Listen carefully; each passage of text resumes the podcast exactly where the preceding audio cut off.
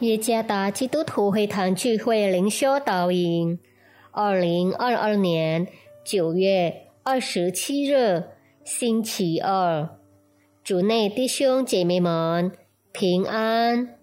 今天的灵修导引，我们会借着圣经出埃及记第四章第十到第十二节来思想今天的主题：去传扬吧。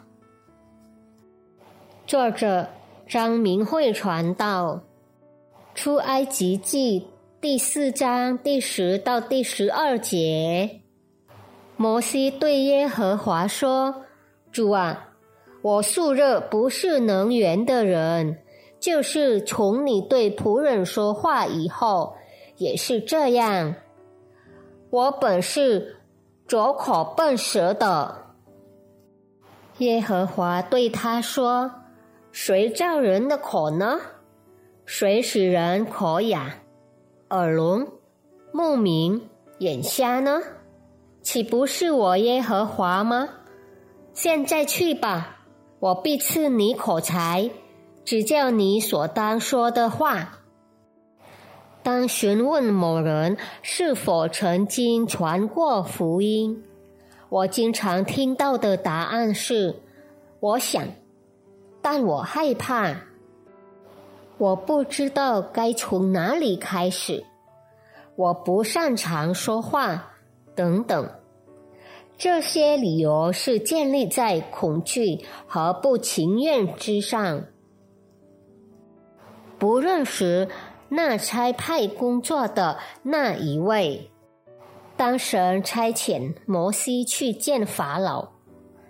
将以色列民带出埃及时，这样的事情也发生在他身上。摩西拒绝了，理由是他不善于说话，拙口笨舌。参看第十节。摩西忘了要与法老发生争执的人不是他。将以色列人带出埃及的人也不是他，他只是一个使者而已。在这一切的背后，是神在动工，所以神必须发问一些问题来使摩西相信：谁造人的口呢？谁使人口哑、耳聋、目明？眼瞎呢？岂不是我耶和华吗？参看第十一节。以这些问题，神要摩西明白，掌管万有的权柄只在他里面。摩西需要认识差遣他那位是谁，他的权柄有多大，他的能力有多大，然后。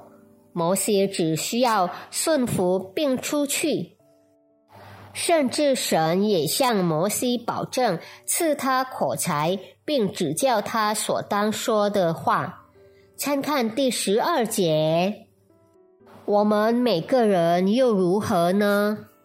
当我们出去传扬福音时，我们是否意识到有圣灵在他的话语中引导并帮助我们说话？